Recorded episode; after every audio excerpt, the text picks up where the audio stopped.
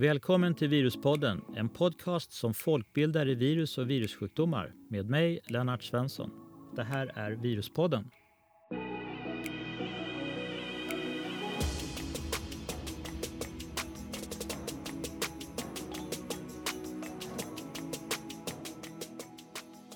så har då en ny variant av sars-cov-2 börjat spridas runt om i världen med ett stort antal nya mutationer i spike-proteinet. Varianten har fått namnet omikron. I dagens podd ska jag och Åke Lundqvist, professor vid Uppsala universitet, sammanfatta vad som är känt fram till den 2 december om omikron. Allt förstås med reservation att ny kunskap kommer in med rasande fart. De första konfirmerade fallen gjordes 24 november i Sydafrika i ett prov som togs den 9 eller kanske var det den 11 november i Botswana. Och från den 14 november och framåt finns det flera positiva prover från Sydafrika. Dessutom finns det två positiva prover från Holland analyserade den 19 och 23 november vilket skulle kunna indikera att virusvarianten cirkulerat långt tidigare än de dagar när de diagnostiserades.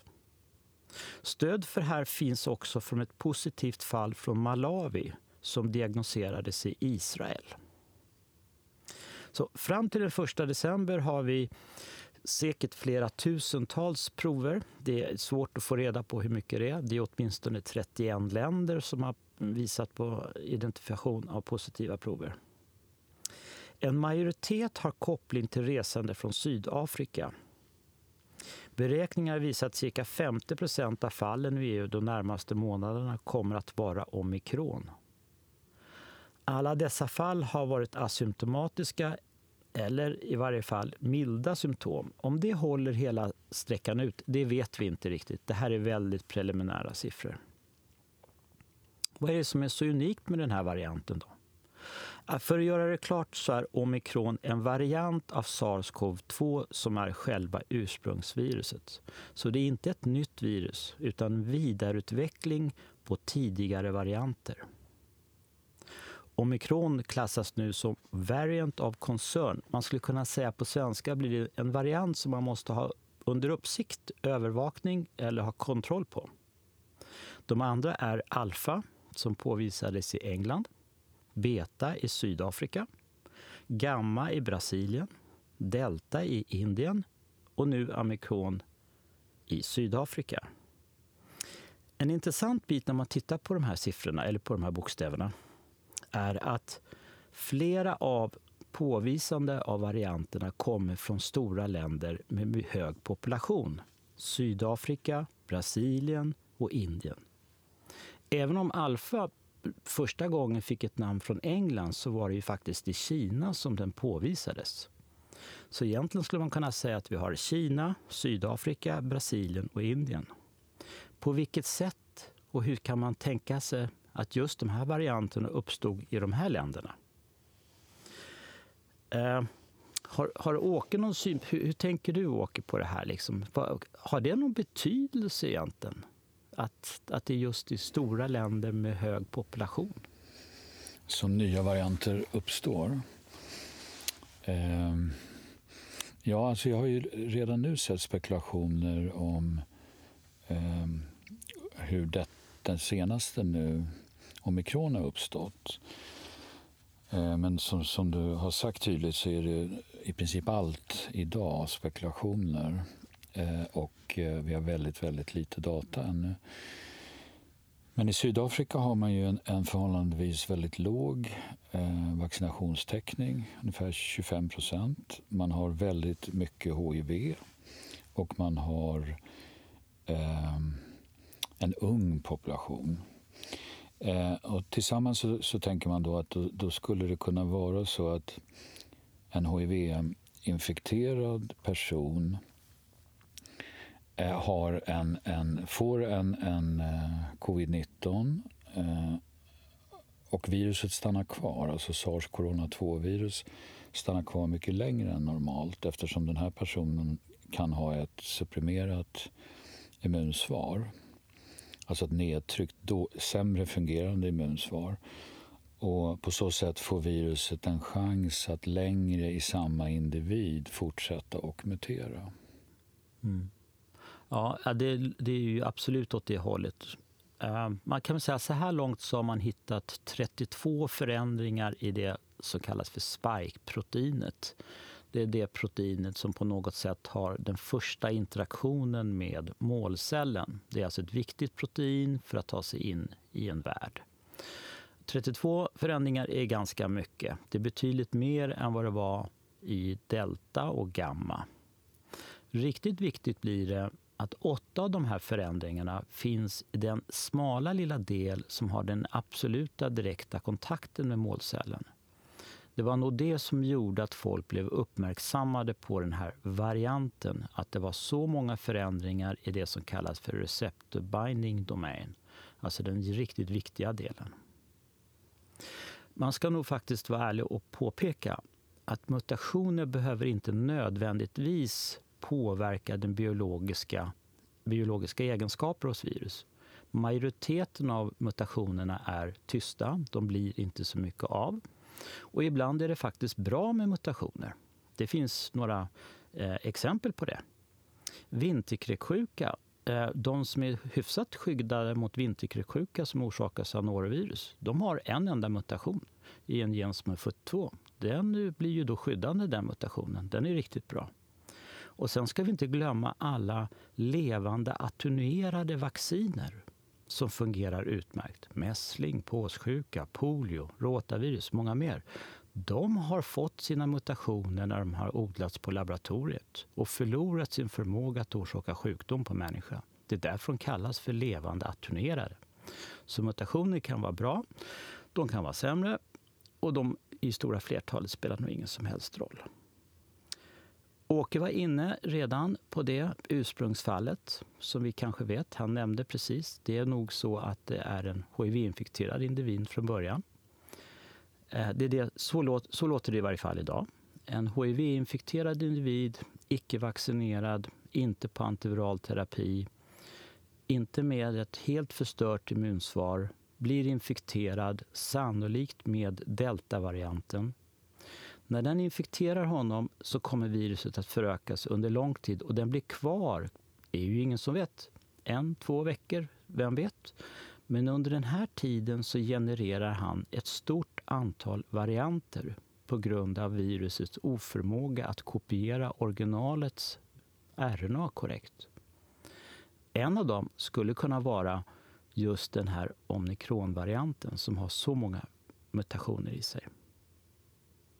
Hur, hur, vad, vad, tror du om det här med smittsamheten? Alltså? Ha, vad vet vi om det, Åke? Alltså, vad vet vi? Ja, vi vet, det är kanske det vi förstår mest av idag eftersom det bara handlar om ett par veckor som vi har känt till den här varianten och det är väl bara någon vecka sedan den fick sitt, sitt namn.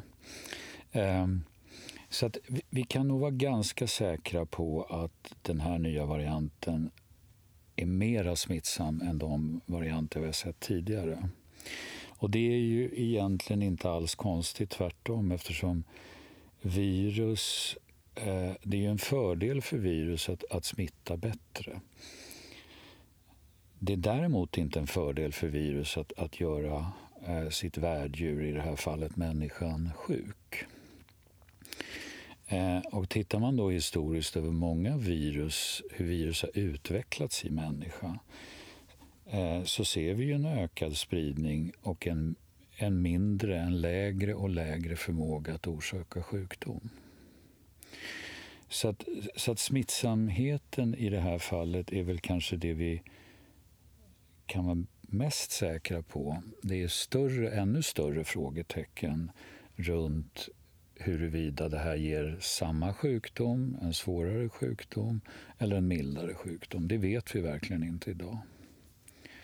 Eh, vi vet ju inte heller säkert hur det här kommer smittas över hela jorden.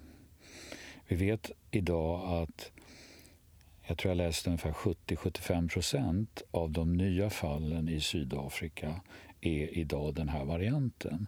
Och vi vet att vi aldrig tidigare har sett en sån snabb smittökning som vi nu ser i Sydafrika. Men om de har, jag tittade igår, hade de 11 000 registrerade fall.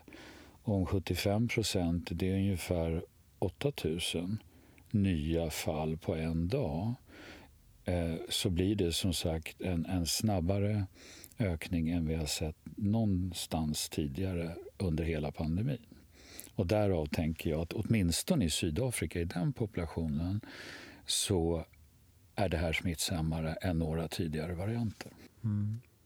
Alltså det ligger ju, precis som du säger, så ligger det här i, i, i, naturen för viruset att vilja bli mer smittsam på bekostnad av att man då förlorar sjukdomsförmågan, för det underlättar ju spridningen då. En fråga som man sannolikt kommer tillbaka under lång tid det är ju förstås indexfallet, det första fallet. Eh, vi talade om att det skulle kunna vara en hiv-infekterad individ och det är ju många som tror på det också. Frågan är ju bara när det skedde och i vilket land det skedde. Och det är väldigt svårt att leda i bevis var det var någonstans. Men eh, det kan hända att framtiden kommer att ge svar lite grann när man gör evolutionsträd på, på virusets ursprung. Det är ju fullt möjligt. Eh, jag, jag, håller helt med Åke också om att smittsamheten är den stora biten här.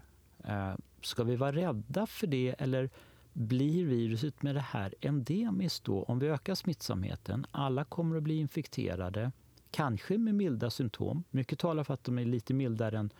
Jag har inte sett några dödsfall, Åke. Har, har du läst om några dödsfall med omikron? Jag, jag har inte det. Alltså. Det är svårt Nej, att följa med i litteraturen. Jag tänkte på det innan, innan vi träffades nu idag. Så jag kan inte se någon indikation på att den här nya varianten skulle ge svårare sjukdom. Inte alls. Det finns tendenser och eh, indikationer på att det skulle kunna ge en mildare sjukdom. Men vi vet verkligen inte det idag. Vi vet liksom inte vad, vad de, de fall som finns ännu, eh, vad har de för bakgrund? Eh, vi ska också komma ihåg att det har ju bara gått ett par veckor. De här riktigt svåra sjukdomstillstånden och till, till död, de tar ju ett antal veckor innan, innan de kommer. Så vi, vi, av bara det skälet så behöver vi tid för att förstå mera. Så vi kan inte säga om, man, om det här ger en mildare sjukdom ännu, anser jag. Det, det, känns lite som att äh, de här skulle kunna gå hand i hand. Alltså ökad smittsamhet med lägre sjukdomsförmåga eftersom om, om den här varianten ger milda symptom då kommer ju ett större antal personer att kunna smitta omgivningen utan att för den skull vara medveten av att de är smittsamma. Det var ju lite av den här diskussionen vi hade i början på sars-cov-2 när, när, pandemin kom att viruset faktiskt kan smitta eh, helt asymptomatiskt eller till och med presymptomatiskt betyder i princip att man kan smitta även innan, innan du ens har några symptom. Och är det så att den här har lindriga symptom då kommer det förstås att underlätta smittspridningen oavsiktligt för den som är infekterad. Eh, ja, vi har varit inne lite grann på det här med sjukdomen och, och, och sånt här. Eh, ja, alltså, har du läst något nytt där på sjukdomen? Jag, jag har inte sett mer än att jag tycker att jag har inte läst och sett att det finns några dokumenterade dödsfall. Eh, och på IVA har jag inte sett att det skulle finnas någonting heller i Sydafrika. Hur korsar det här med vår deltapandemi som vi har nu? Hur, hur, ser du på det? Liksom att I Sverige är ju inte problemet omikron just nu utan det är väl snarare delta där, där antalet vaccingenombrott ökar ordentligt. Mm. Det, det, det är det som oroar mig framför allt idag. Det är att vi vi ser ju redan i Sverige att väldigt, en väldigt stor del av de som blir sjuka eh, är dubbelvaccinerade. Eh, och där kan man ju fundera på, för egen del och för mångas del, om jag har förstått det rätt så måste man vara fyllda 65 eller äldre för att kunna boka en tredje dos. Och eh, Även om man är över 65 så har jag förstått att det är väldigt svårt att få en tid bokad. Det betyder att för varje dag som går så är det fler och fler, även äldre människor som eh, har... Det har gått över sex månader sedan de fick sin andra dos. Samtidigt vet vi att de här som blir sjuka trots två doser, det kan ibland hända efter fyra månader eller fem månader. Så därför har till exempel England nu sänkt gränsen för den tredje dosen till tre månader utifrån det vi nu har lärt oss. Men i Sverige står vi fortfarande fast vid sex månader. Och jag vet inte, har du Lennart någon eh, har du sett någon, någon vetenskaplig grund för sex månader minst efter andra dosen?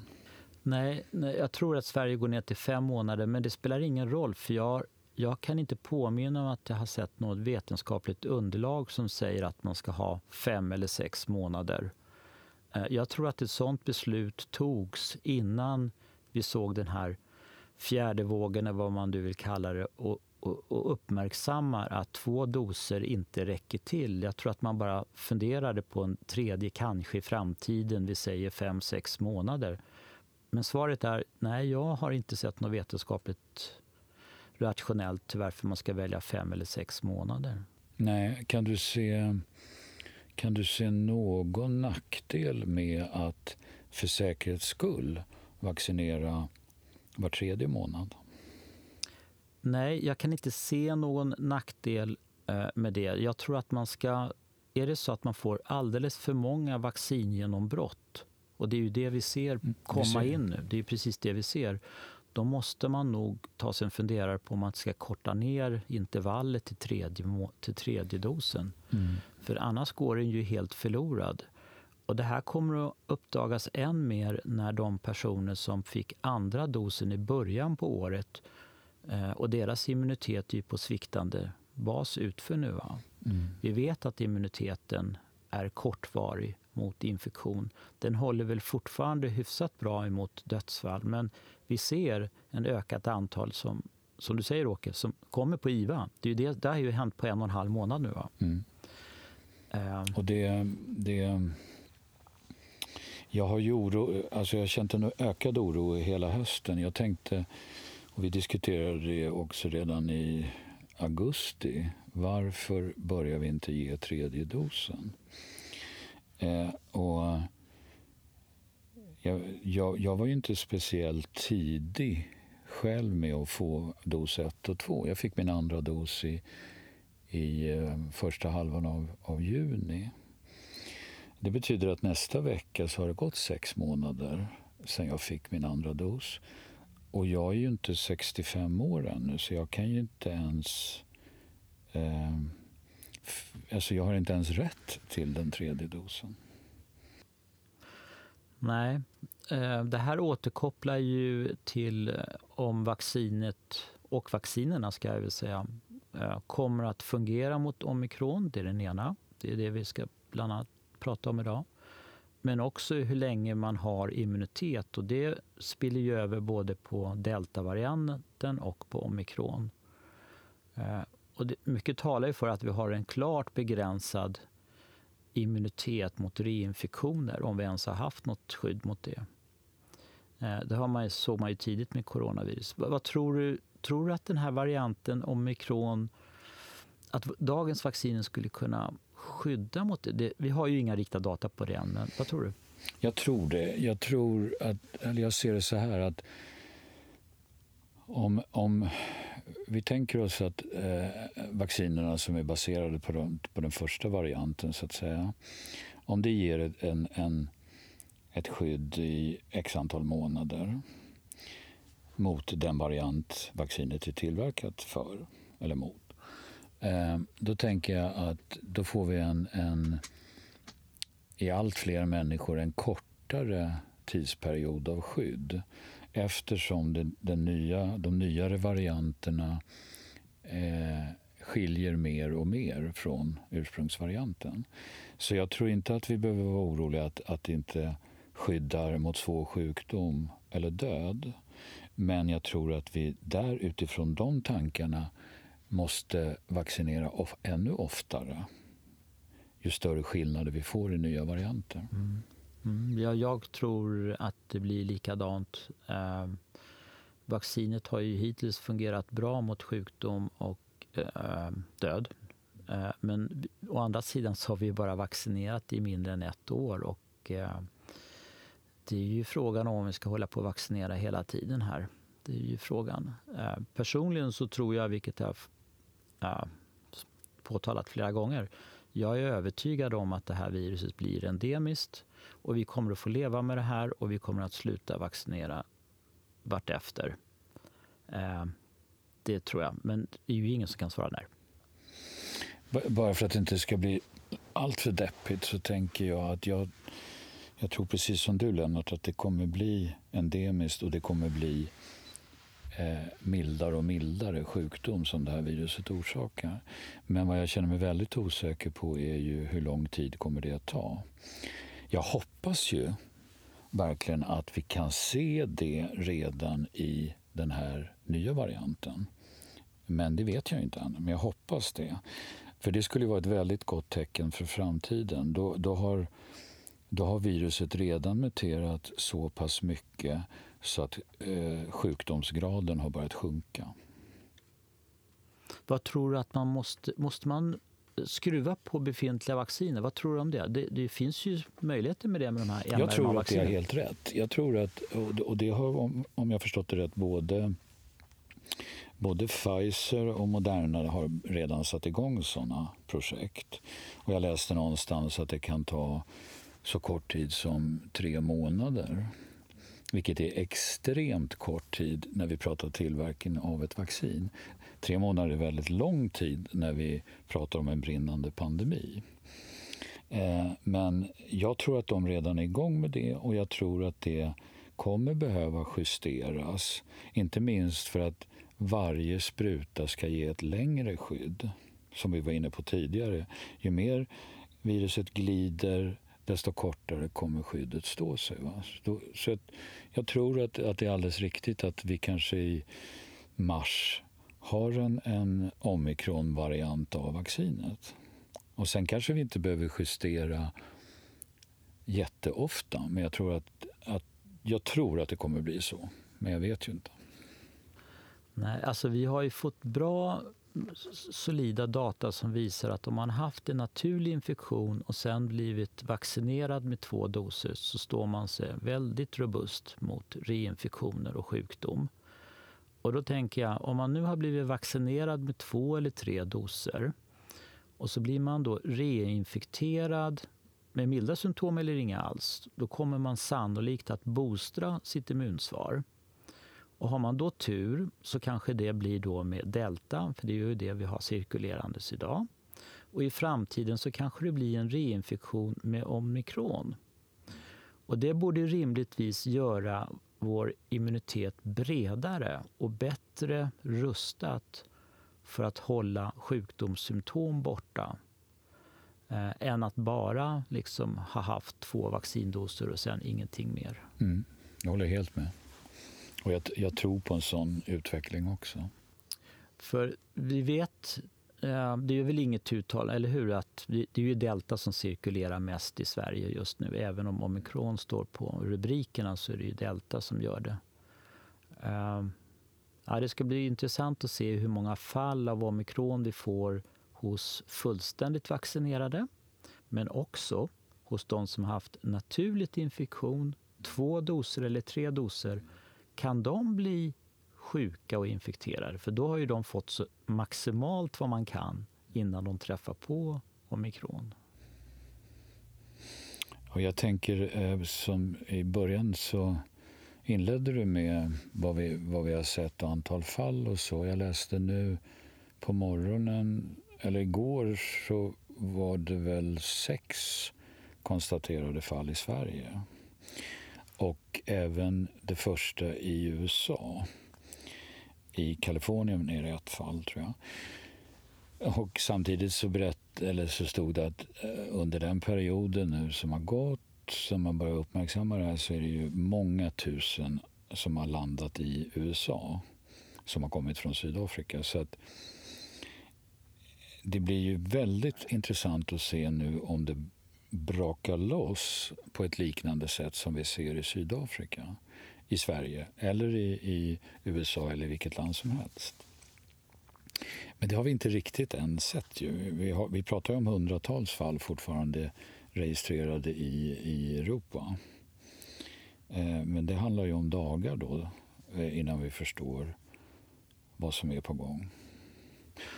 Ja. ja alltså, med USA är ju rätt så intressant. Det var, fanns en engelsk podd som jag lyssnade på för någon dag sedan och eh, de engelsmannen där var ju lite eh, upprörd över att man inte har bättre koll i USA. Om man nu har det första fallet och man har ett väldigt stort antal turister som väller in varje dag in i USA och bara har hittat ett enda fall.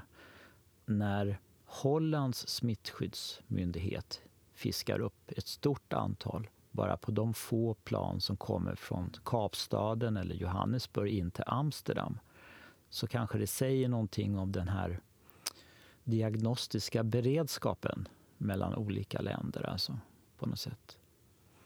Eh, så jag inte glömmer, det kom en grej i, jag tror det var i morse faktiskt, eh, från en av dina kompisar i Finland. Ja, just det. Ehm, eh, en kollega till Åke här som, som uttryckte sig som att han tror att omikron kommer från något eh, djur. Var det, var det inte så istället? Jo. Han menar på att det har, omikron är inte alls nytt utan det skulle ha gått under radarn i ett år eller ett och ett halvt år. Att det skulle vara en separat eh, överföring från ett okänt, eh, en mellanvärld som man kallar det. Vi vet ju att det ursprungligen kommer från, från fladdermöss men vi vet fortfarande inte vilka eller vilka mellanvärldar, alltså djur som har då infekterats först och sen fört över viruset till, till människa. Eh, men jag kan inte säga, för jag har inte hittat några, några eh, data som förklarar varför han argumenterar så här. Men för mig låter det inte speciellt sannolikt. Vad tänker du? Eh, alltså, jag tycker inte heller att det låter eh, sannolikt. Men jag, jag, jag måste säga att jag vågar inte ha en klar uppfattning om detta jag har inte sett grunddata, precis som du säger, och vi, vi, har inte fått tillgång till det och vet inte hur han tänker. Det enda vi vet är att han är väldigt bra virolog och kan sin sak. Eh, och innan han ställer sig på barrikaderna och eh, postulerar ut det här så har han sannolikt rätt bra på fötterna. Men eh, ja, vi måste få återkomma till det, men det är ju såna väl väldigt intressant. Oh ja. För det skulle omkullkasta lite i hela den här epidemiologiska smittspårningen som nu sker, som man tror är hugget i sten hur det ska fungera. Mm. Uh. Nej, och Olive brukar ju som du säger, han, han brukar ju veta vad han pratar om. Så att jag, jag kan absolut inte avfärda det innan jag har sett um, varför han hävdar det. Mm. Nej. Nej, jag, jag, ska inte göra det. Jag, tr jag, tror idag inte på det, men jag vågar inte säga att det är så, för jag måste se data. Uh, ja, vi har ju en diagnostik här också. Har vi Eh, och uppenbarligen så kan man, det där är ju du expert på, ehm, man kan med vanlig PCR redan påvisa den här stammen. Alltså. ja, så? alltså man brukar normalt använda, eller man brukar leta efter tre olika delar i viruset kan man säga med det man kallar PCR-teknik. Och då har vi förstått redan att eh, vi hittar två av de tre delarna med de PCR-metoder som används eh, för tidigare varianter, eller för, för delta framför allt nu. Eh, Medan den tredje då, den kan inte känna igen omikronvarianten för att, för att det, är vi, den varianten ser annorlunda ut i just den delen av, av sitt genom. Men två av tre, eh, tack och lov, fungerar ju. Så att, eh, den normala diagnostiken fungerar och det är därför vi hittar den. Mm. Det, men det skulle ju underlätta väldigt mycket för att eh, hitta den här varianten om det räcker med att ha en lite modifierad PCR-teknik för att identifiera omikron istället för att behöva skicka proverna för avancerad sekvensering ja. för att ta reda på arvsmassans sammansättning. Precis, och den, jag skulle tro att det gjorde väl någon designade det redan förra eller förra, förra veckan. Så att man, som du säger, väldigt enkelt kan säga okej, okay, den blir negativ i den delen, då är det omikron. Jag måste säga att jag har inte någon vidare koll på vilka diagnostiska laboratorier i Sverige som har satt upp den här PCR. Det har visserligen bara gått vad är det, en vecka, tio dagar. Va? Eh, jag vet, alltså Karolinska sjukhuset gör det säkert, Göteborg gör det säkert, men jag vet inte. Vet du något? Jag tror att både KI, och Uppsala, Göteborg och säkert Umeå eh, redan har designat om det där, mm. gissar jag. Ja ja, det vore ju... Eh, och i och med det då så kommer säkert antalet fall som är positiva att gå sky high därför att nu har de ett enkelt redskap med PCR och hitta dem istället för att kanske i väntkö få proverna sekvenserade som kan ta veckor ibland innan man får svar på det. Och där, där, där ser vi ju också att eftersom vi slutade testa dubbelvaccinerade individer eh, 1 november, sen återinfördes det eh, för ett tag sedan. Och, eh, då ser vi ju snabbt mycket fler positiva i Sverige. Och då blir det ju svårt att säga hur mycket mer ser vi på grund av att vi har börjat testa de vaccinerade igen och hur mycket är en egentlig ökning. Vilket var ju det vi sa när det, när det kom upp att det skulle slutas testas. Så då, då vet vi ju inte, då famlar vi ju i mörkret. Va? Så nu ser vi en, en ganska snabb ökning i Sverige och eh, som sagt, då, då vet vi inte egentligen eftersom vi inte vet var vi börjar ifrån. Hur tycker du vi ska förhålla oss i Sverige då? Nu, nu kommer ju Folkhälsomyndigheten med nya rekommendationer. För det är, det, det är så vi uttrycker det i Sverige. Vi rekommenderar att göra saker och ting eh, i nästa vecka. Vad, vad, tror du, vad tror du händer då? Vad tror du de kommer med? Jag tror... Alltså jag, vet, jag vet, jag tror nästan ingenting om vilka nya rekommendationer som kommer. Eh, men jag tänker att tittar vi på våra närmaste grannländer så har ju de redan nu reagerat mycket hårdare. Där, där kräver man ju test när man kommer till flygplatsen om man kommer från de här länderna i Afrika. Eh, man rekommenderar inte som i Sverige, utan man kräver det. Och i Norge så kräver man ju till och med karantän för de som kommer från de här länderna. I Sverige rekommenderar vi, vilket betyder att folk kommer till Arlanda och sen så åker de, tar de sig därifrån och sen ska de Eh, beställa testning och så vidare. Så att de hinner ju då, om de är bärare av den här nya varianten, smitta eh, få eller flera. Eh, så att jag, jag tycker ju att, att, Sverige skulle ställa samma krav som man gör i våra grannländer. Mm. Ja, jag är inne på samma sak och jag tyckte man gjorde ett utmärkt eh, arbete i eh, Holland där man helt enkelt sätter alla personer. Det gör man, jag tror att det är så i, i Hongkong och många andra ställen. De som kommer med flyg blir satta på hotell till man har tagit ett prov och eh, får lämna när man vet om det är plus eller minus på det, positivt eller negativt. Mm. Eh, om de, många av de här som kommer från Sydafrika nu har inga eller lindriga symptom och rekommenderas ta ett PCR-prov så kommer de på eftermiddagen och sen bor de i Umeå eller någonstans och ska ta ett anslutningsflyg tre timmar senare. Det ska väldigt mycket till innan de skippar eller bokar om det planet för att hinna med en PCR-test om det inte är uppsatt och välfungerande. Jag tror att minsta motståndets lag kommer att råda. Man orkar inte med detta, man vill bara komma hem efter en lång rutt om det är att rekommendera om man inte har några symptom. Det är vad jag tror kommer att hända. Vi är bara människor. Och vi vet ju idag att i och med att vi fick en sån extrem import av, av den första varianten, förra, alltså efter sportlovet förra året, och att det påverkade utkomsten i Sverige jämfört med våra grannländer. Det vill säga att vi hade så hög smittnivå i samhället så att vi förde över, vi exporterade virus till våra grannländer. Eh, och det kan vi väl komma ihåg och agera annorlunda den här gången, tänker jag.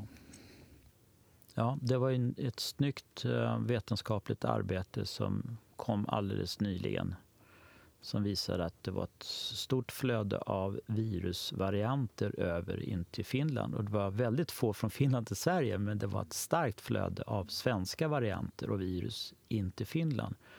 Vilket förstås är ett direkt kvitto på att vi hade större smittspridning i Sverige än vad man hade i Finland. Ja, med de här eh, kommentarerna och diskussionsrundan vi har haft så ber jag att få avsluta den här podden eh, om, om, om mikron och jag tror att vi kommer att få återkomma i det här.